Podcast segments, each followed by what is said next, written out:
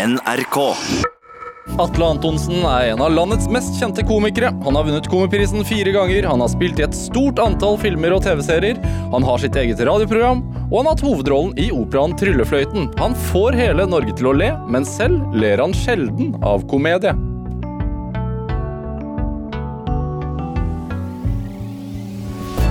Dette er Drivkraft med Vegard Larsen i NRK P2. Atle Antonsen, hjertelig velkommen hit til Drivkraft. Tusen takk for det.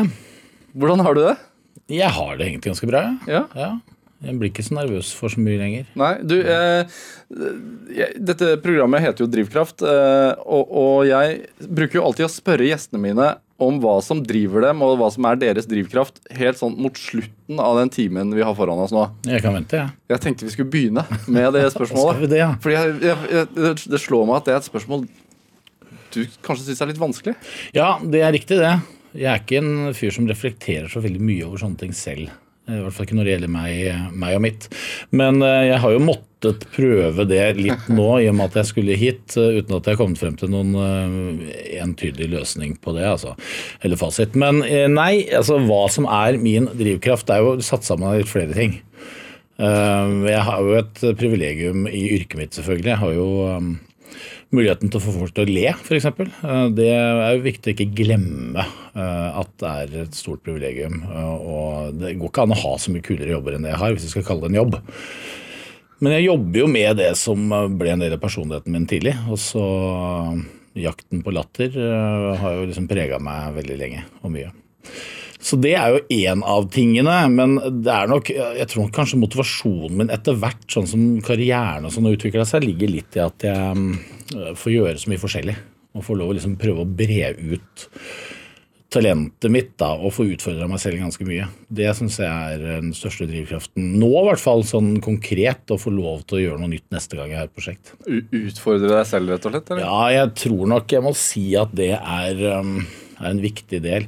Og så er det vel også noe ligger en liten sånn snev av anerkjennelse i det, eller jag etter anerkjennelse. Jeg liker jo å bli anerkjent for det jeg gjør, har jeg liksom tenkt over litt etter hvert. Jeg skal være så ærlig å si det, at jeg liker på en måte å fortsatt kunne ha muligheten til å ligge et eller annet sted og vake i toppen av, av sjiktet. Jeg syns det, for nå har det jo vart noen år, Ja. og det er ikke, det er ikke evigvarende. Så jeg får suge til meg det jeg kan på slutten. Men du sier altså at uh, jaget etter latter og det å få folk til Hva er det som er så deilig med latter, da? Nei, det, altså, Jeg har jo snakka om sånne ting i andre sammenhenger og prøvd å reflektere over det i etterkant, selvfølgelig. Men det begynte jo med å finne en plattform i barndommen, uh, ungdommen, helt sikkert. Uh, og når det kom seilende, at jeg skjønte at det var en egenskap jeg hadde, så er jo det en gave. For det samler jo folk, og det gir jo deg en uh, pondus og selvtillit og ja, en plattform å stå på. Så det var nok verdifullt for meg for å liksom finne min plass i, i gjengen.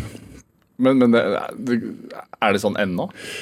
Du er fem, 50 år nå. Du har, du, har fått noe, du har fått folk til å le en god Ja stund. da, ja, ja, som sagt, jeg vil, ikke si, jeg vil ikke si at det er sånn ennå. Jeg har lagt fra meg det. Jeg driver ikke så mye egenreklame på fritida. Jeg går ikke rundt hjemme og er veldig veldig morsom type, f.eks.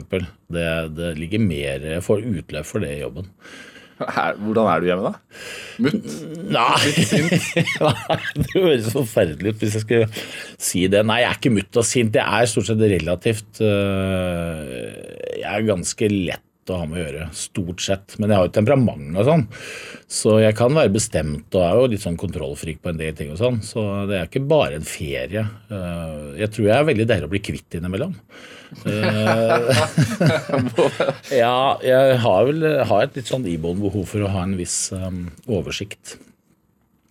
Så det Hva da? Kont kontroll? Er det, ja, er det du sier? ja jeg er veldig nysgjerrig og følger jo opp veldig både barn og alt som skjer hjemme. Altså jeg er veldig sånn hands on på ting hele tiden. da. Sånn spør andre om de har betalt regningene sine og sånn? Ja, ikke, ikke riktig så konkret, men, eh, men eh, prøver liksom å være Jeg er vel veldig til stede når jeg er til stede, på mange vis. Ja. Vi skal kalle det det.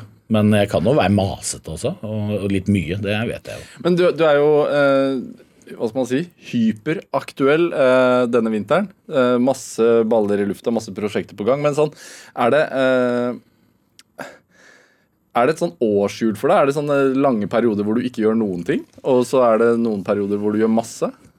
Nei, egentlig ikke, men det er jo litt skippertak. Selvfølgelig. Og jeg er flink til å ha ferier. Altså Jeg tar ut gode ferier. Jeg er jo sammen med en lærer, blant annet, så jeg prøver å følge hennes ferie om sommeren. Eh, Så jeg har aldri jobba nesten om sommeren eller i påsken eller i jula. Eller? Så jeg tar jo tar ut det. Men eh, jeg får jo gjort mest det altså, når jeg har mye å gjøre, sånn som veldig mange andre. Eh, Det ene gir det andre energi, på en måte. Så, mm. men det er ikke noe årssyklus. Det er det nok ikke. Det, nå det jo, ser jo alltid litt verre ut enn det er også, ikke sant, i min jobb, fordi mye blir lansert samtidig på høsten f.eks. Og det er jo ikke sånn at jeg begynte å jobbe med alt det et kvarter før det ble lansert. Så det er jo en periode hvor man spiller inn ting, og så så var det jo mest jobb med å lage show i år, for det er jo det som det, er det som det ligger mest jobb bak. Um, Så ja, nei, det spres jo ganske jevnt utover, altså. Men jeg er, jo, jeg er jo en planlegger. Ja, fordi jeg, jeg tenker på det at du sier at det kan være litt deilig, deilig å bli kvitt deg hjemme, og så eh, Du er jo, som du sier, aktuell med et show for tiden. altså Tolv gode råd. Det går her i Oslo på, på Chat Noir. eh, Skal ut på turné etter hvert over hele landet. Eh, det, er, det er fem forestillinger i uka. Ja, Eh, det er 250 forestillinger til sammen. ja, det blir noe sånt til slutt. Det her, hvor, hvor mange har dere unnagjort? Nå har vi gjort uh, 76. Ja. Så du, teller, du teller fremdeles eh, Teller du fremdeles oppover eller nedover? Altså, Teller oppover. Teller ikke, oppover, ja. ikke begynt å telle ned. Det skal du ikke gjøre før du er godt og vel halvveis. Altså. Så, men eh, egentlig teller ikke så veldig mye. Grunnen til at jeg vet nå at det er fordi det er tre stykker igjen før jul. Eh, Så jeg har ikke kontroll på dette hver eneste dag hvor mange vi har spilt. Men eh, det blir jo mange, og jeg kommer aldri til å ha spilt noe så lenge som jeg spiller dette. Nei, Og så intenst. Nei, og så intenst, ja, for vi spiller jo doble forestillinger på fredager og lørdager, og det er jo eh, Ja, det er jo en krevende oppgave sånn motivasjonsmessig, men når du først går på scenen, så er liksom alt borte. Da kjører du bare sånn som du skal. Ja. Men det, er, det står jo om liv hver gang. ikke sant? Det er jo ikke sånn at vi møter opp på jobb og lirer av oss noe og går tilbake igjen. Vi, vi, vi, vi er dedikert og veldig opptatt av å levere. Bård er jo akkurat samme innstillingen, så vi evaluerer jo hver eneste forestilling vi har etterpå. Snakker om hva som har gått bra og dårlig, og prøver hele tiden å pynte på ting. Så det er jo den jaget etter optimalisering. Når du skal spille så mange forestillinger, så spør jo folk jeg blir jo ikke lei av å fortelle de samme vitsene hver dag, og sånn, men det er jo selvfølgelig ikke fokuset. på en måte da. Fokus er jo på en måte å fortelle det du skal på en optimal måte, og liksom strebe etter å få den perfekte forestillingen. da. Det er Men- litt sånn. Men er, er det noe som er typisk for deg, du, og også Bård, da, men nå er det jo du som er i studio her, at du er en eh, perfeksjonist?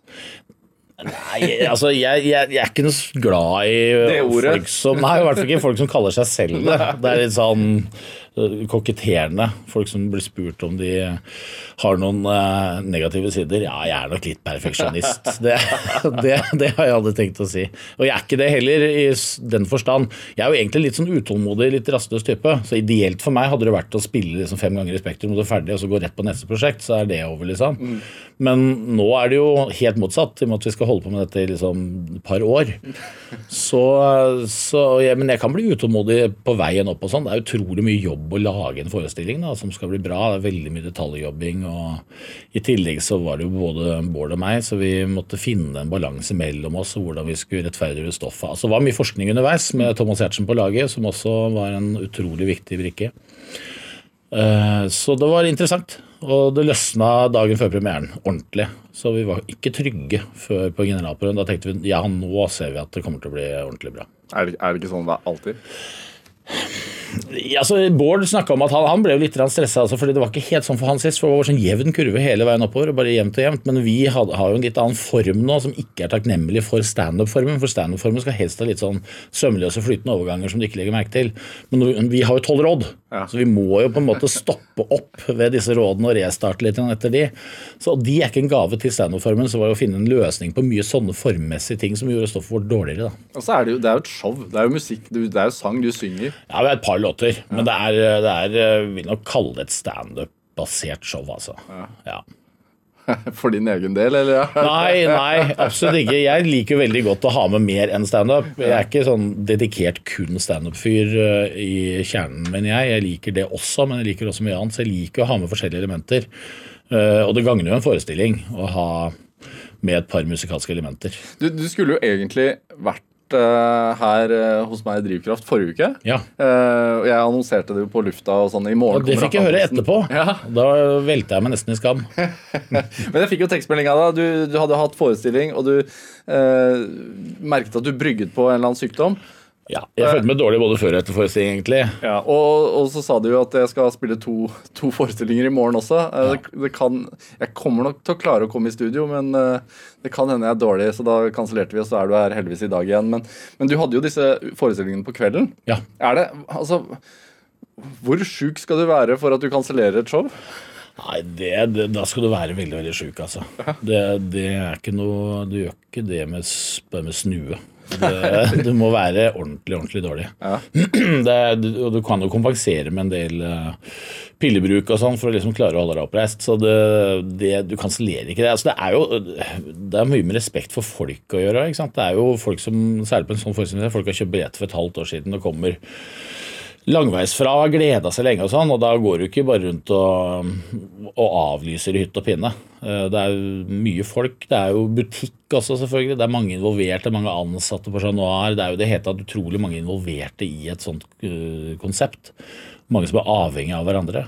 For det er jo et lagspill, så det gjør du ikke. Nei. Med mindre du virkelig må. Hvis du brekker beinet, så kan det hende du må avlyse den dagen du brekker beinet, men dagen etter så klarer du antagelig å gå rundt der med gips og fullføre, og tilpasse forestillingen til det.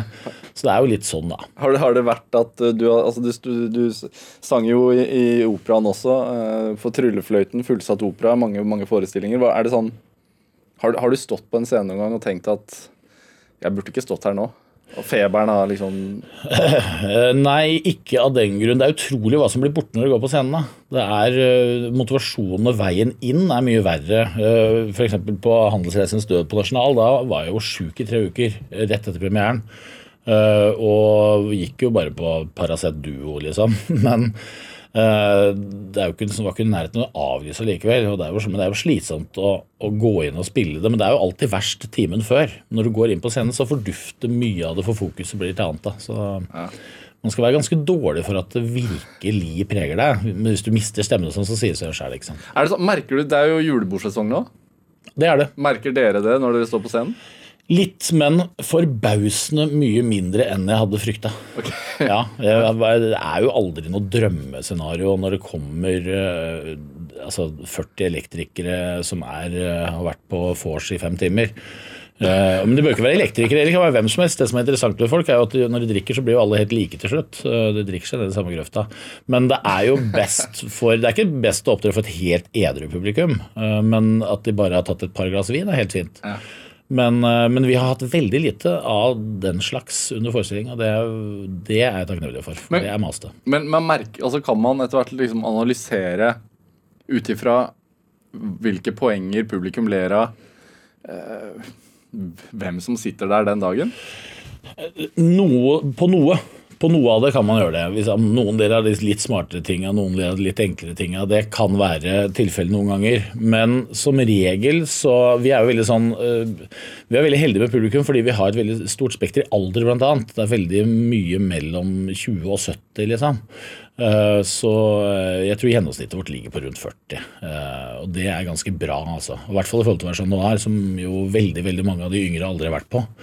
Så mange syns jo det er kult å komme der. ikke sant? Det er jo en helt det er en gammeldags scene med bordservering eh, fra servitører som kommer inn underveis. og Det har sånn god, gammel eh, classy stil som eh, mange ikke er vant til. Da. Ja, det, med, med tanke på det, altså det er jo eh, Chat Noir, altså det er jo scenen til bukken Lasson. Eh, det er folkelige artister som Leif Juster, eh, Rolf Just Nilsen, Sølvi Wang altså fast, var fast inventar der. Og, og nå også Atle Antonsen. Er du, er du liksom komfortabel med at du er blitt folkelig?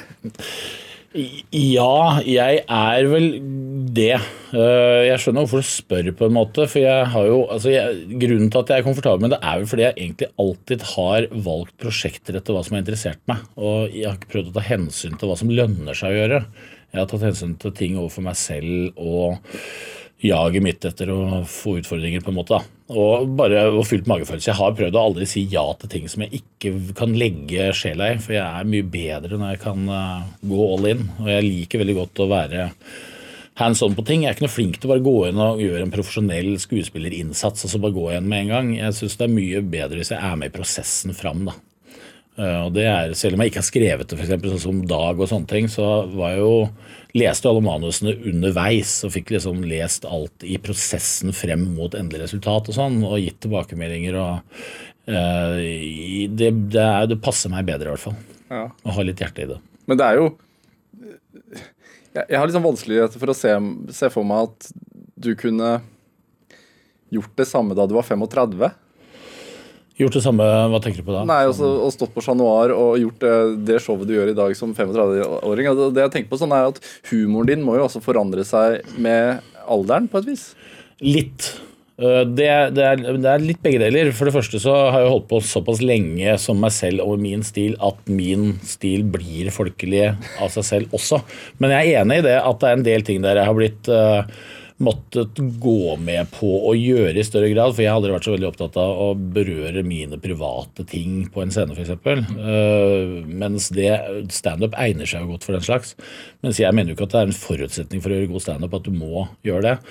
Men når vi skal være to stykker som er 50, uh, Bård og jeg, så er det nesten uunngåelig at du ikke må ta tak i en del ting som er ditt eget. da. Så vi har jo tatt utgangspunkt i oss selv i mye av det vi gjør. og Noe av det er eh, helt sant, noe av det er litt sant, og noe er selvfølgelig tatt ekstremt langt ut av eh, Bare basert på en eller annen flyktig hendelse eller idé. Hva er sant, da? Nei, det er uh, Altså, det er ikke så interessant for folk å høre hva som er sant hvis de ikke har sett det.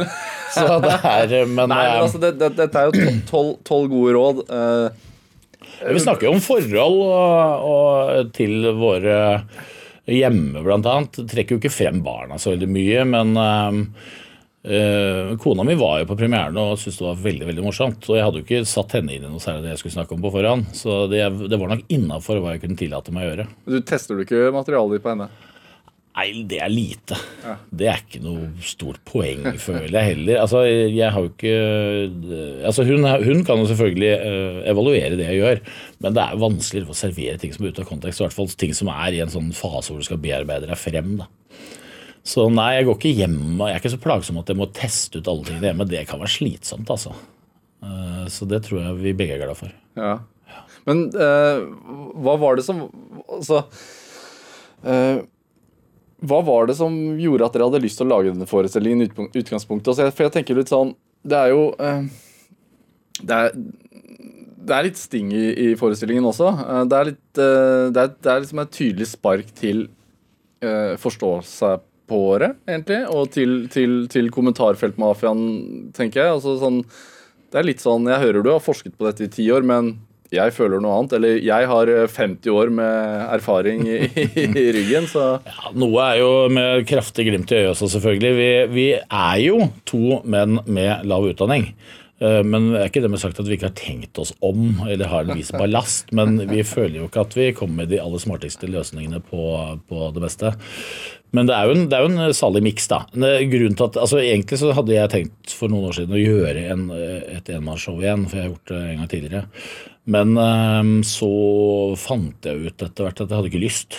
Uh, for jeg syns det er mye morsommere å jobbe med folk. Jeg er jo litt sånn teamworker og liker det beste.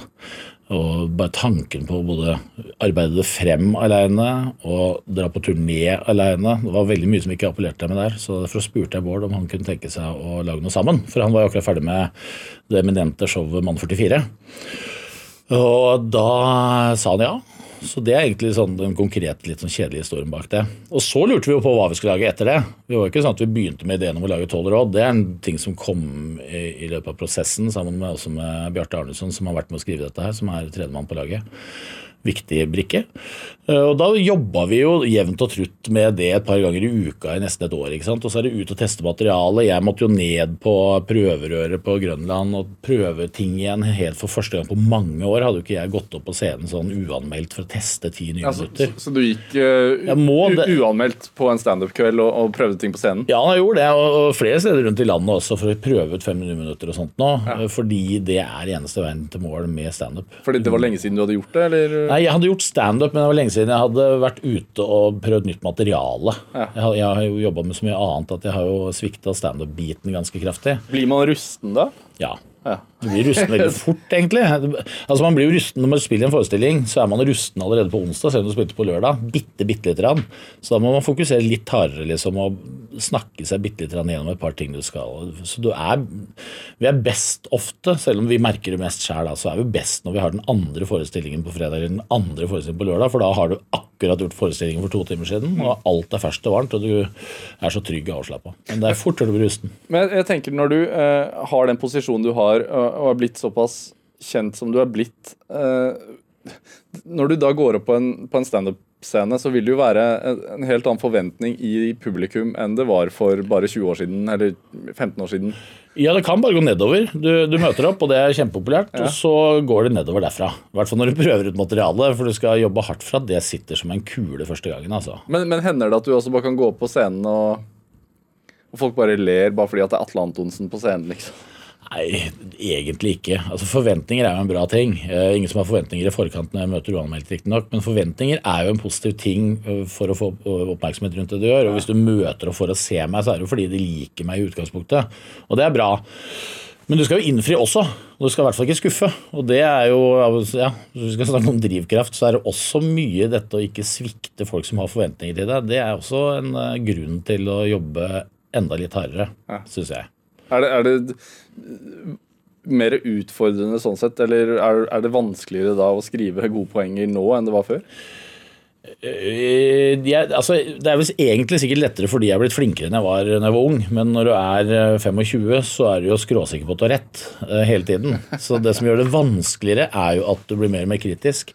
Og eh, man blir ikke mer og mer sikker med åra på hva som funker. Altså, det syns jeg virkelig ikke. Det er snarere tvert imot. Man er helt skråsikker når man er 23-25 år gammel. Og hvis ikke folk ler, så kan det til og med hende det er deres feil. Ja, oftest er det ja, det hender i hvert fall. Det gikk over hodet på dem. Ja, det hender litt sånn. De skjønner ikke, vet du. De skjønner ikke, vet du. Men så skjønner man etter hvert at det er sjelden det er der problemet ligger. Det er tilretteleggelse å ta med folk hele veien inn. For det. Men det er det du siden du var innom det med publikum, det er det det som også gjør hver eneste kveld unik. Og dette har du helt sikkert hørt andre folk si før meg, men det er jævlig spennende å møte en ny sal. Fordi det er aldri det samme. Det er alltid Av 250 show så er det 250 forskjellige saler med forskjellige folk. Og det kan være alt fra at alle er helt enige fra første sekund om at dette er fantastisk morsomt. Du bare kan nesten stå og surfe gjennom hele forestillingen, og du kan ta så lange pauser og kose deg og, ri på det. Mens andre ganger så må du bare tvinge folk inn i innhegningen og få dem til å bli enige etter hvert om at dette skal vi enes om er en bra ting. Så det er eh, helt ny tilnærming. Så du må jo du må ha veldig følerne ute hver eneste kveld. og Du kan ikke bare gå opp og gjøre greia di. Du må lese publikum, du må prøve å få kontakt med salen. Noen ganger kan du kjøre fortere, noen ganger må du faktisk holde litt igjen. Altså Det er masse avpassing, så det er ren musikalitet å prøve å få det til å bli en dans. da. Ja. Så det er utrolig viktig brikke med publikum når du lager humor som er ment for å oppleves i et fellesskap. da. Har du, har du opplevd noen gang at du altså, virkelig har måttet kjempe? Ja, ja, ja, absolutt. Og du merker det, for du har jo alltid noen sånne det, Du har noen seifepoenger, du har noen halvseifepoenger. Og det er sånn hvis du kommer til det første seife som er etter et minutt, og folk ikke ler, ler seg skalla da, da merker du med en gang ok, i dag blir det jobb. I dag er det bare å virkelig henge i og prøve å finne ut av dette her. ikke sant? Blir du usikker da?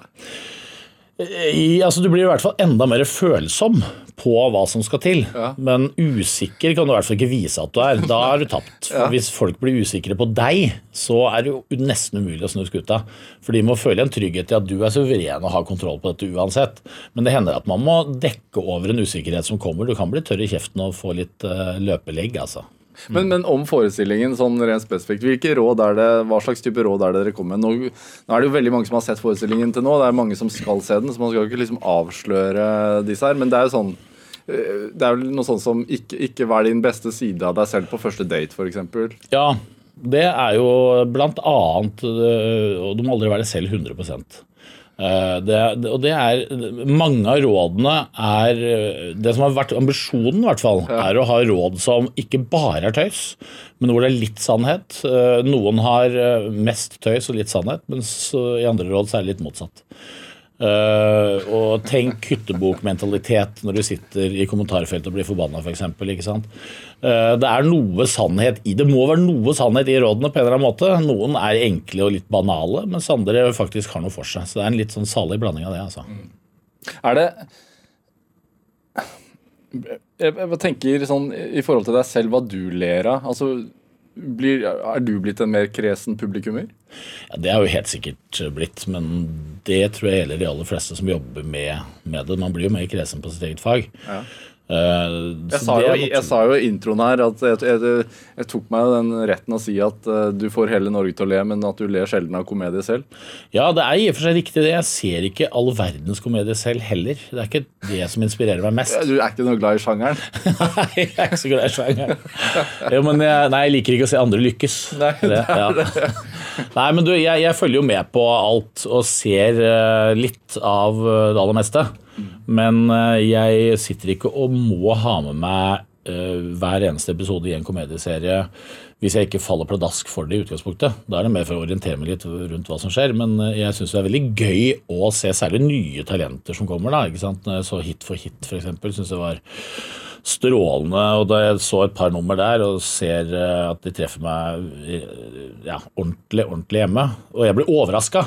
Det handler mye om å bli overraska og bli tatt litt på senga med humor. Det blir man jo sjeldnere og sjeldnere når man jobber med det selv. Det sier seg jo egentlig uh, naturlig. Men uh, når jeg blir eh, litt sånn uh, Når jeg plutselig får et lite sånn sjokk faen, det, Jeg behøver ikke nødvendigvis sitte og le som jeg gjør, men jeg kan sitte og nikke og anerkjenne fy fader, det der er gøy.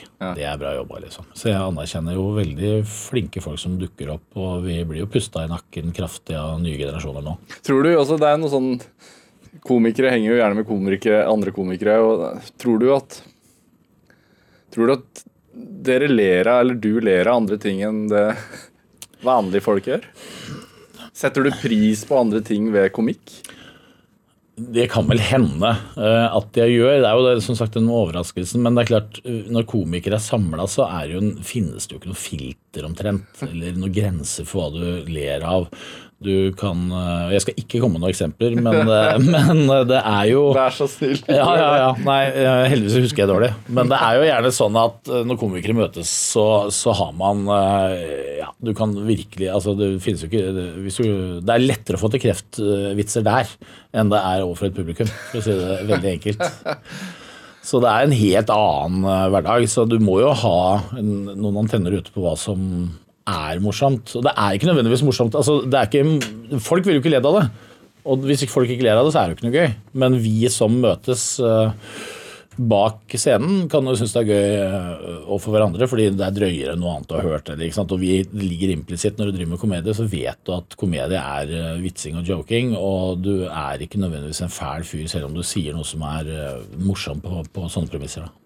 Men sitter du hjemme Du sitter jo hjemme og skriver vitsene? Eller Ja, enten hjemme eller helst sammen med noen, ja. ja. ler du selv da?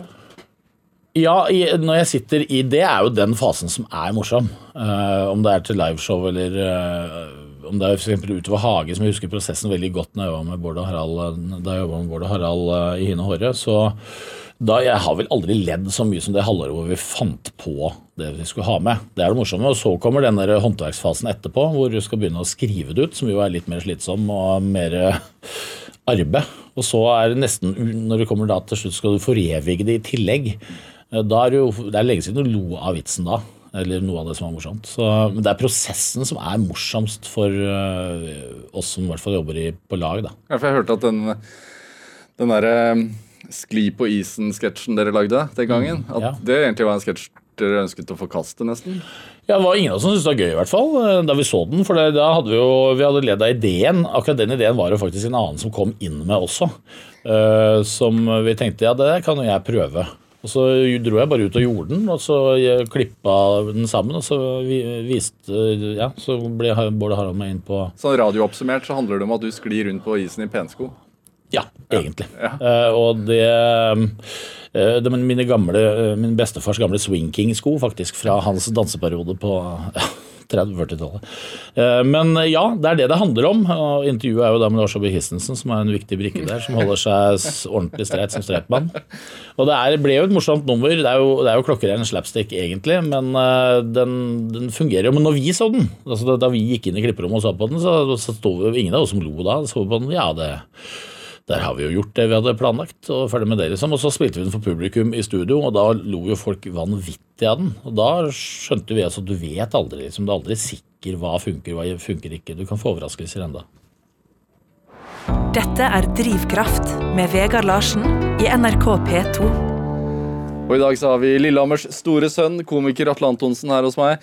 Eh, hvor, altså jeg, jeg tenker Som komiker så er du, du er nødt til å være eh, veldig oppdatert, tenker jeg, på eh, alt av trender, nyheter så, Fordi hvis ikke du tar ting på på kornet, eller tar tiden på kornet, så, så, så føles du litt sånn utdatert.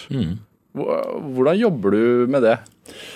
Nei, Det er jo et vesentlig element. Det Det som hjelper meg på å holde meg orientert, er jo at jeg har et radioprogram en gang i uka sammen med Golden på, på P4, Misjonen. Og det er jo et program som baserer seg på nyhetsbildet i stor grad. Det er i hvert fall ting som skjer, og det er jo alltid fra politikk til eh, dustete trender til lokalnyheter. Ikke sant? Så da, da, er man jo naturlig på jakt etter ting å snakke om der hele tiden. Så det er jo en sånn evig prosess, da. Er, men, eh, leser masse nyheter, da? Leser mye nyheter, ja. Jeg er jo helt uh, altfor gal etter nyheter, egentlig. Så jeg er jo innom alle nettavisene 50 ganger hver dag, liksom. Uh, men det er jo ikke sånn at jeg Jeg blir ikke stressa av å gjøre det. det men, men, men leser du Nå avbryter jeg deg, unnskyld, men Nei. leser du da nyheter med en interesse for nyhetssaker, eller leser du det utelukkende med et sånt skakt blikk? Sånn derre ha, dette kan bli morsomt. Det er nok det første. Ja. Jeg leser nyheter, eh, egentlig. Eh, noen ganger så må jeg faktisk skru på igjen den eh, knappen som gjør at jeg skjønner at faen, jeg må jo finne noe jeg skal bruke til noe også. Så jeg er vel Ja, jeg er glad i nyheter, da. Um, først og fremst. Uh, men uh, det er jo ikke dermed sagt at man ikke mister tidsånden på et eller annet tidspunkt. Du kan jo være så oppdatert du bare vil på det som skjer rundt deg. Men jeg klarer jo ikke å henge med i alt lenger, jeg heller, selvfølgelig. Jeg får ikke med meg alt som de som er 25 år er interessert i. Du har barn, da? Det, det vet jeg da. Jeg har barn, ja. ja da. Får, får du tips jo... fra de, eller? Nei, jeg får ikke tips sånn sett. Uh, det er ikke sikkert de har lyst til å gi meg det. Det er ikke sikkert jeg vil ha det heller. Det er ikke meningen at jeg skal begynne å snakke om og evaluere som en sur gammel gubbe det 20-åringer er interessert i heller. Man får med seg noen overskrifter her og der, og sånn, men jeg går ikke ned i dybden på, på deres kultur. Så der vil det jo alltid være et skille, og det har jo kommet. Tenker du at, ja, men tenker du at, du, at det er et aldersskille der? At du ikke nødvendigvis lager eh, komikk for 20-åringen lenger? Jeg tenker ikke så mye på hvem som er mottaker. og jeg merker jo at Særlig akkurat på det vi om i sted, radioprogrammet, så er det veldig mange unge lyttere også. Så, og Det er jeg glad for at vi har, eh, så ikke publikum mitt dør ut med en eneste gang. Det er jo fint, fint å ha med noen yngre. Så jeg blir alltid glad når jeg merker at yngre folk enn meg liker det jeg gjør. Det må jeg si. Eh, men det er ikke noe mål for meg at jeg bare skal underholde dem heller, eh, og miste de som er på min egen alder. Så men jo bredere publikum, jo bedre er det jo. Men samtidig er det klart det kommer jo nye og yngre folk enn meg som skal, altså av komikere også, som skal appellere til sin egen generasjon, og det er jo naturlig. Men, men er det, altså i, i Misjonen, altså, det går jo hver fredag og har gjort det i 10-11 år. Eh, imponerende eh, antall eh, radioprogram eh, på P4. Eh, dere er jo dere er jo ganske dere er ganske kraftfulle og, krasse eh, mot nyhetsbildet, og også eh, tidvis liksom enkeltpersoner og sånne ting. Og jeg tenker sånn Er det hvor, Mye av komikken din eh, er jo basert på oppførsel og holdninger som, som jeg tenker at du syns er provoserende på et eller annet vis?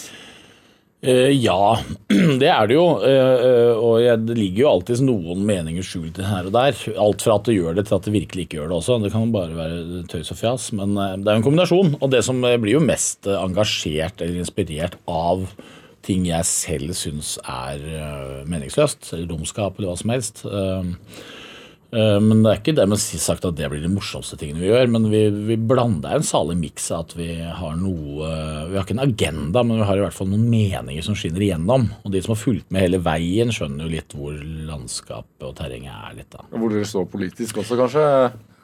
Ja, De kan vel sikkert gjette seg til det, men uh, vi forsøker å være litt balansert der. Ja. Det er ikke bare fordi det skjer bare dumskap på den ene siden og bare klokskap på den andre. Det er mye å ta tak i, og sånn politisk sett så har det utvikla seg til å være ganske godt tilfang de siste åra. Det blir jo lettere og lettere å finne ting som er rimelig fjollete. Men, men når, når, når, Man kan tenke seg sånn når verden tidvis ser ut som en uh en satirisk sketsj.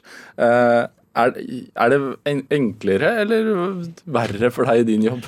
Nei, altså jeg, jeg, Det er litt begge deler. Selvfølgelig så er jo tilfanget større, men uh, å begynne å snakke mye om Trump f.eks. er jo nesten helt umulig. Vi, vi snakker jo fint lite om han, egentlig. Vi gjorde det jo til å begynne med som alle andre.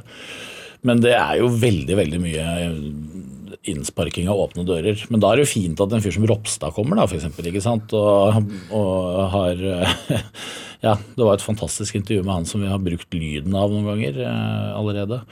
Hvor han mener at han hvis, det, er, det er nesten så han sier at hvis noen foreslår at vi skal begynne å spise mennesker, så kommer jeg til å være imot. eh, selv om forslaget ikke har kommet opp ennå. Så han tar høyde for at eh, at det kan komme forslag som han selv uh, kommer til å være imot hvis han ble konfrontert med det i uh, Dagsnytt 18. Men uh, det, det, det er jo flott. Han klarte jo ikke å snakke for seg uh, i den sammenhengen, men det er jo Altså, det er jo komplisert for politikerne også, som skal hele tiden være fremme og mene noe. Bare se på sånn som Støre, som jo egentlig er en diplomat, og som liker å ta høyde for ting i begge retninger. Den tida er jo over. Du, altså det er jo polarisering, det vet vi jo, men det er jo helt umulig å stå og prøve å si på den ene siden så Men jeg forstår også den andre siden at altså ikke, ikke, da klarer du ikke å fungere som, som politiker lenger. Men, men så redd som personlig, da, er du, er du er du bekymret for, for uh, verden og polarisering og miljø uh, som går ad undas og sånne ting, eller? Ja, jeg, altså jeg er jo ikke en fyr som går rundt og bærer på bekymringer. Jeg er jo flink til å fortrenge ting og børste det av meg. Men jeg er, jo ikke noe, jeg er jo ikke noe positiv i forhold til sosiale medier og hvilken utvikling det har hatt, selvfølgelig. Eller klima, hvis det, hvis det er poeng. Nei, på ingen måte. Uh, det vil jo være meningsløst å være Det er jo ikke noe grunn til å være en kjempeoptimist, verken på klimaets vegne eller på, på ja, diskusjonsplattformers vegne. Altså. Så um, det er jo ikke noe positiv utvikling, nei. Men det, det, et sånt, sånn type engasjement, kommer det For det er liksom vanskelig for deg tenker jeg, å ha på to hatter og være en illsint kronikkforfatter. Altså, men kommer det til uttrykk i, i, i, i, komikken din? Dette handler jo veldig mye. Det handler i hvert fall om at det er mange som er flinkere enn meg til å skrive kronikker. Derfor så holder jeg meg unna det. Og det er mange som er flinkere enn meg til å mene noe veldig høylytt og ha balansert hele budskapet sitt også. Så, og det er ikke min jobb heller. Jeg er jo fort først og fremst en komiker, og også i de sammenhengene. Så jeg har ikke noen ambisjoner om å bli en meningsbærer i stort monn. Det må pakkes inn i min ramme og det jeg kan, på en måte. Ja. Dette er Drivkraft med Vegard Larsen i NRK P2. Og I dag så har vi komiker Atle Antonsen her hos meg. Altså, no, noen vi, vi, snakket jo litt om det, om, om komisk talent og sånne ting. Altså, noen sier at hvis man veldig tidlig, tidlig utvikler et komisk talent, så ligger det noe bak. Uh, og, og, komedie, eller å få folk til å le i Lillehammer, hvorfor, hvorfor tror du at det ble din greie? Jeg syns det er litt vanskelig å svare på det. For jeg, har, jeg, jeg er jo så langt unna noe offer man kan være, egentlig. Jeg har aldri vært uh, utsatt uh, for noe spesielt negativt, vil jeg si. Jeg har hatt en ganske trygg og grei oppvekst. Uh, og har, jeg har veldig lite å klage på, så jeg kan ikke si at det har vært noen drivkraft for meg å komme frem og vise mobberne at osv. Det er jo ikke noe i nærheten av det. Uh, men um, Og jeg har jo virkelig ikke vært noen moden fyr som har reflektert over dette underveis, og har sluppet også. Men Nei, jeg, jeg, det er jo mange veier til mål, og det er jo ikke alle komikere som har en eller annen ballast eller som skal snakke om en eller annen fæl historie som de har opplevd, eller lage et show ut av det og sånn. Det, det, kunne jeg ikke gjort heller, for jeg har ikke noe. Så det er nok eh, enklere, jeg er redd. altså. Litt simplere utgangspunkt i at jeg, jeg fikk vel en tilfredsstillelse av å finne et område som jeg beherska, sånn som, som ga meg selvtillit. Uh, vil jeg tro. Men er det humorgener i familien? Det er ikke noe Jeg har ikke med meg noe konkret sånn sett. Det kan jeg ikke si. Altså, det er jo ingen som har drevet med noe sånt. Jeg er fra en helt vanlig arbeiderklassefamilie som ja, sleit med å jobbe og få penger til livets opphold, liksom. Så det har aldri vært noe I hvert fall ingen som har fått muligheten til å prøve eller utfolde seg på noe som helst slags vis. Det er jo bare bestefaren min som jeg vokste opp i hus sammen med, vokste opp i generasjonsbolig, som hadde drevet med noe som var i nærheten av det i oppveksten litt, liksom. Lekt, lekt litt med gestalting og litt smårevy på låven, altså litt sånn småtterier. Og dans? Ja, det var nok Jeg tror han har ikke drevet med dans, men han hadde dansesko. Det er stor forskjell, ja. Så han har ikke drevet med dans. Nei, han var jo en, eh, han var jo en bonde, som mange andre på den tida. Eh, Så, men hadde vel, eh, han hadde jo litt sånn sans Han leste ganske mye og hadde litt sånn sansen for å skrive dikt, eh, litt for sin egen del mest og sånn, og ikke ikke noe som nødvendigvis skulle ut på trykk, nei, men som, som altså Han lekte litt mer med, med ord og, og, sånn, og var en litt sånn type, kanskje. Så det er vel kanskje noe derfra. Ja. Er det, jeg tenker sånn Du øh, har jo jeg føler når du, sånn som du har gjort i år, åpnet to barer i Oslo, så har du liksom rundet Maslow-pyramiden. Ja, altså jeg det er, altså, Jeg åpna to bare var egentlig for han å drive med mest, for jeg pussa det opp sjæl. Sto og malte og holdt på. Så- så- så i tillegg jeg til- må ha noe annet å drive med. I tillegg til liksom Kongen befaler på TV Norge, eh, eh, Jul i Blodfjell 2, eh, boka di 101 ord du trodde du ikke kunne, og 250 forestillinger, så tenkte du at du måtte pusse opp to baller. Ja, ja.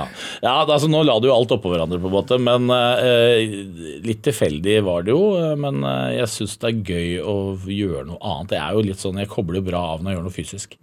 Eh, og da ikke trening, men Håndarbeid, altså- håndarbeid håndverk, et eller annet. liksom, ja. Og så har barna flytta ut. Eh, da har jeg selvfølgelig fått litt bedre tid. Jeg har jo ikke noe barn hjemme lenger heller. Eh, så det er ikke noe fotballtreninger eller noe sånt å ta vare på. Så Hvordan er det egentlig? Nei, Det er ganske glidende overgang, for jeg fikk jo et par barnebarn omtrent samtidig. Eh, Så det er ikke akkurat tomt, og de fleste bor jo liksom fem minutter unna. Det høres jo litt sånn barna flytter ut, far bygger bar. ja, ja, egentlig. Ja, På en måte så var det litt pussig, for begge barna flytta ut samme helg. Den ene hadde vært i militæret og kom tilbake og bodde hjemme en liten stund før han flytta ut på nytt. Og da, så da ble det, Man står i fare for at det blir veldig mye ekko og kjempetomt. Ja. Men jeg syns ikke det har vært noe problem, egentlig. Og det er jo innom hele tida. Er du innom barnet, da? Nei, det er jeg ikke. Eh, Jeg, altså jeg er jo innom så vidt der, men ikke på kveldstid. Altså jeg har jo vært der, men eh, jeg har litt for mye skamfølelse. på en måte. Annet, eh, og Særlig på den ene som er litt sånn basert på Dag-universet, i hvert fall med elementer derfra, hvor det henger et par bilder og hvor jeg er liksom synlig i lokalet. Jeg, jeg har litt for mye skamfølelse til å sitte der under et slags portrett av meg selv og, og, og, og ta en pils. Så, Gratis pils. ja, det er ikke det. Det er. Personalpris i så fall. Ja, ja, ja. Jeg kjører renhårig. Ja. Altså, du, du kvier deg for å gå dit? Jeg altså. Kvier meg litt for å gå dit. Jeg, må, jeg føler jeg må være ganske full for å gå dit. Og da gjør du ikke det noe bedre. Så, så jeg har nok ikke vært det mer enn tre-fire ganger siden den åpna. Ja. Så det er, ja, det er og, Men det andre som åpna, er jo eh, mye nærmere der jeg bor. eh, For det er jo en en lokal kneipe. Lokal bar eh, rett oppe ved, på Hasle i Oslo. Og den eh, Der er jeg jo så vidt innom, men det var mer for å stelle plantene og sånn. Altså, for det er jeg som hadde ansvaret for, eh, for utendørs beplantning. Men er bar, altså barn, institusjonen barn, et godt sted å samle materiale for, for deg som komiker? Nei, det vet jeg ikke, altså. Hvor, hvor samler du materiale? Nei, eh, jeg er jo ikke en sånn fyr som skriver når jeg ikke har en deadline eller et prosjekt. Ja, for Du tra- tar jo ikke trikken i Oslo, du kjører bil. og tenker at du Nei, er jeg tar, jeg tar T-banen til jobb hver dag. altså Når jeg skal Ja. på, på Chat og sånn, det gjør jeg jo. Så jeg kjører jo kollektivt da. Men jeg har ikke drevet mye med det. Jeg kjører også elbil, elbilen jeg ja. Eh, Nei, du, jeg, jeg, jeg Det blir jo mest gjennom nyhetsbildet og hva som foregår, i forhold til hva jeg trenger nå. Eh, Men øh, når vi utvikler ting sammen, så blir det jo et, et samarbeid hvor det ene tar det andre. og Når vi sitter og skriver en, et show, f.eks. da. Er du, altså, for Men jeg er ikke på evig jakt, føler jeg. Er ikke sånn at jeg må ha, nå må jeg ha de og de ideene. Men det ligger jo litt sånn implisitt etter hvert, at det automatisk så står det på. Nei, jeg, føler at det er en del komikere som, som elsker å være ute blant folk, for da studerer de andre mennesker, og så tar de med seg det inn i, i, i jobben sin. Men, men mitt Det er en litt den romantiske versjonen Ja, av det før. Det er at kanskje. man sitter på kafé og ser på disse menneskene. Jeg syns det høres litt sånn fjollete ut på en måte, men man gjør det jo allikevel. Jeg, jeg får jo input fra forskjellige mennesker. Altså når jeg lagde eh, da jeg lagde N- Norske byggeklosser, f.eks., så var jo flere karakterene basert på noen jeg har møtt. ja. Uh, men, det, men det er jo veldig sånn karakterbasert univers. ikke sant? Og da, da tok jeg utgangspunkt i noen jeg møtte, noen jeg kjente derfra. Det kan være morsomt å vri litt på det og sånt, og lage en karakter ut av det. Og da, men da er det bevisst i forhold til det prosjektet at jeg gjør det. Men jeg, jeg føler ikke at jeg sitter og observerer bevisst hele tiden og legger det bevisst inn i en eller annen bank. Det gjør jeg ikke, altså. Men, men er du altså Men jeg er jo Du er oppmerksom Du på er- Ja, jeg er jo i og for seg det. I hvert fall litt introvert, eh, må jeg nok påstå. Og jeg vet ikke om det er tilfeldig, men da jeg skulle hente deg nå nede i, resepsjonen på NRK, så sto du liksom gjemt bak noen sånne svære potteplanter inni en krok. Det var litt tilfeldig, fordi det var sol ute, og den, den, den skjant inn akkurat der. Så da tenkte jeg skal jeg ta med disse 30 sekundene med sol før jeg går inn i studio. Jeg trodde du sto og gjemte deg i tilfelle du ble utsatt for smalltalk. Nei, nei da, men jeg er ikke noe veldig glad i smalltalk, jeg skal innrømme det. Og jeg, er jo en, jeg har mye sjenanse i meg, egentlig. Og liker å være forberedt på når jeg skal møte folk og sånn. Det er litt sånn, altså. Det er veldig rart da å utsette deg for den jobben du har. Det er litt pussig, men det er jo uh, fullt forståelig. Det er mange som er sånn. Bare Se på en fyr som uh, Preple Hoem, da, som er uh, en av Norges beste frontfigurer i rockeband. Liksom. Men han er jo mest bilmekaniker og aleine, og ikke spesielt snakkesalig. Han sier jo selv at han, når han går på scenen, så tar han på seg han andern. Ja. Som er, som er den andre fyren som han aldri har fått helt grep om, men han som skal være rockestjerne. Eh, og Det er jo noe der også, selvfølgelig. At man eh, tar i hvert fall frem en side i seg selv som mener seg bedre. Da. Gjør du det? Ja, ja, det gjør jeg jo. Eh, men det er en litt sånn pussig Jeg klarer ikke helt å forklare hvordan det er heller, for jeg gruer meg ofte litt i forkant. Altså, jeg går ikke og gruer meg hver dag i det hele tatt nå, for nå har vi et show som funker og som sitter. Men det er jo en viss spenning i å gå ut der. Men det er en annen type bevissthet som slår inn når jeg går inn på scenen. Og det er jeg jo glad for. For hvis ikke så kunne det blitt ganske rotete også. Så da er det jo mer det som Det tar jo frem de verktøyene som trengs for at jeg skal kunne gjøre jobben min der oppe der og da. Så jeg står ikke og tenker bevisst som meg selv. Det handler bare om tilstedeværelse og, og yte maks. da. Er det et, et kick som du lever på? Altså å stå der oppe?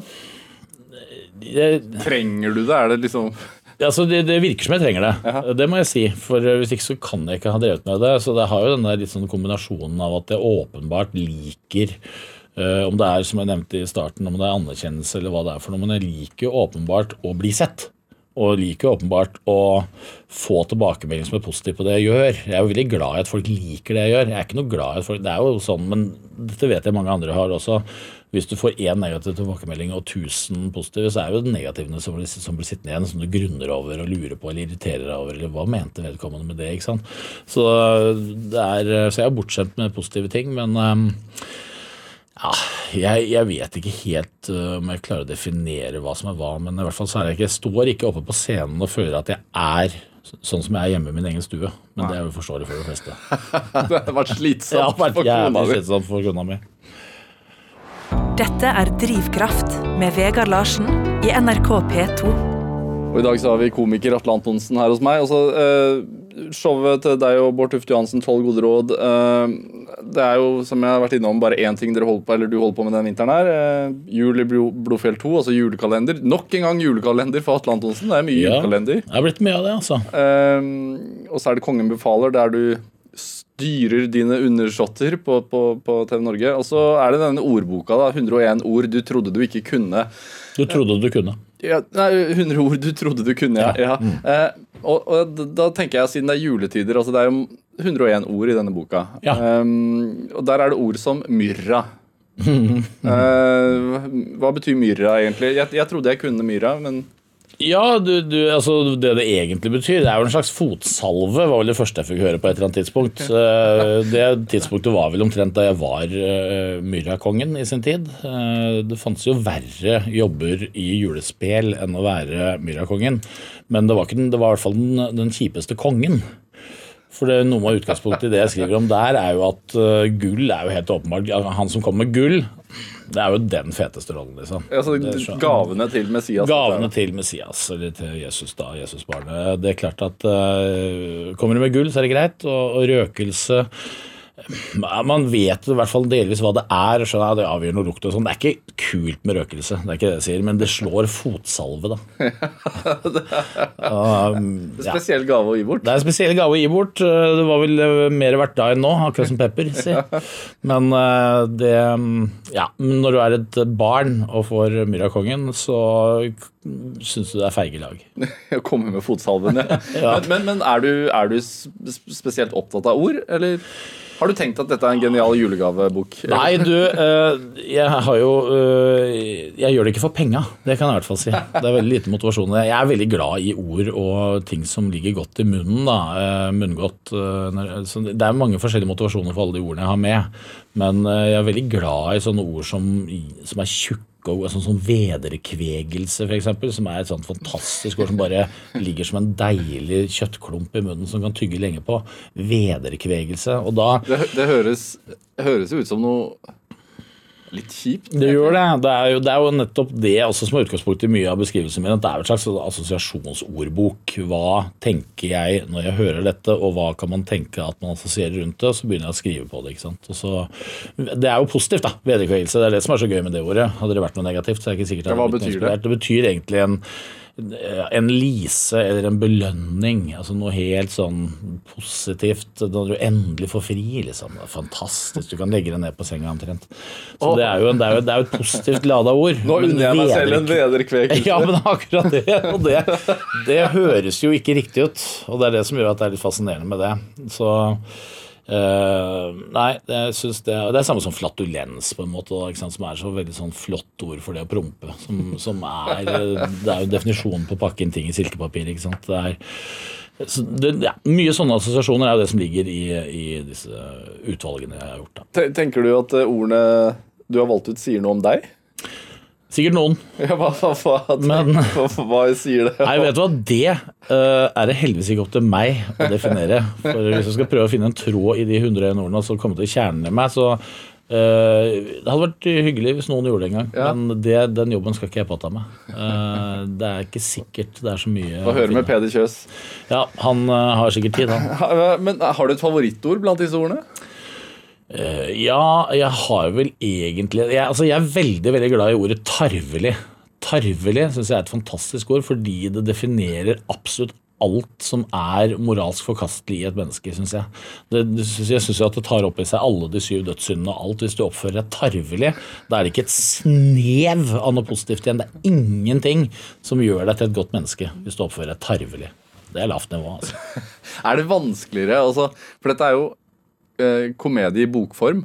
Ren tekst. Ja, det er det. Du, du aner, altså, på, på, hvilken måte er det mer utfordrende i forhold til det å, liksom, å fremføre alt materialet selv? Altså, for det, Her sitter man jo bare og leser det. det det er eh, det jeg merker, at vi prøvde å lese inn noen av disse selv. Det syns jeg ikke at jeg fikk til i det hele tatt. Da synes jeg, det ble, jeg ble plattere og mer banale av at jeg skulle forsøke å lese de, enn at man leser de selv, var min oppfatning av det. Jeg tror det er sånne småbiter som egner seg veldig godt på toalettet hvis du skal lese et par-tre ord i slengen.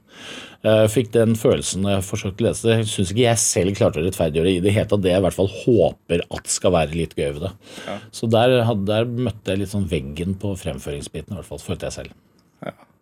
Men det er, jo, det jo utfordrende på en annen måte. Men det er jo, det, er jo, altså det, er, det fraviker jo en del i forhold til det jeg pleier å drive med. Det er jo ikke en er ikke en genial idé å lage en sånn ordbok. Det er ikke sånn at ja, eh, denne skal alle i hele Norge ha. Det vil jeg ikke si. Så jeg, jeg, jeg syns den er litt, litt særere og litt rarere enn mye annet jeg har gjort. Men uh, Eh, kanskje nettopp derfor eh, litt morsomt å jobbe med. Du, jeg må spørre, fordi eh, denne Kongen befaler som går på TV Norge, det, det, der er det jo Det sies jo at eh, det er ditt hus dette mm. utspiller seg i. Mm. Er det det? Jeg må dessverre si nei. Ja. Det, det, er det ikke. Det er mange som har spurt, ja. og mange tror det. Det blir jo påstått. Men nok en gang altså viser det seg at du skal ikke tro på alt som skjer på TV. Selv på TV hender det at folk ljuger. Så det er ikke der det er julefeiringen? Nei. Hvor, hvordan er julefeiringen hos Antonsen? Den er i år bare oss fire, siden dattera mi med barnebarn skal være på den andre siden, som det kalles. Så, hvordan er det? Er det trist? Nei, altså de er jo såpass nye, disse barnebarna. Jeg har ikke hatt de i mange juler. Men eh, nei, det er en naturlig følge at man er flere besteforeldre. Så det syns jeg er helt ryddig å dele opp i to. Men eh, det er jo barnas tid, så det blir jo mer eh, ståk og leven og, og julete av at det er småunger involvert. Det vet man jo. Er det liksom, Hva tenker du at barnebarna etter hvert kommer til å si sånn Bestefar, han er komiker? Ja, eh, det er vel litt den samme oppdagelsen som barna mine gjorde i sin tid også. Når de skjønte hva jeg drev med, så var jo det veldig rart og merkelig, men eh, de venner seg til det. Ja. Ja. Hvor lenge kan man stå på den scenen, tror du? Eh, Jeg har jo prøvd å definere tidligere i god avstand til 50 at rundt 50 så begynner det å gå nedover. Eh, Nå har jeg fylt 50, og nå er jeg ikke så sikker lenger. Du, jeg tenkte vi skulle avslutte med en låt her. Du hadde med en, en låt av Galactic som heter You Don't Know. Hvorfor skal vi spille den? Du, jeg tenkte at etter en såpass lang samtale som dette, så er det greit med noe oppløftende som gjør at du får litt sånn en god feeling selv på en dag som denne. Så den, den løfter deg litt opp. Litt sånn oppløftende slutt da på denne traurige timen.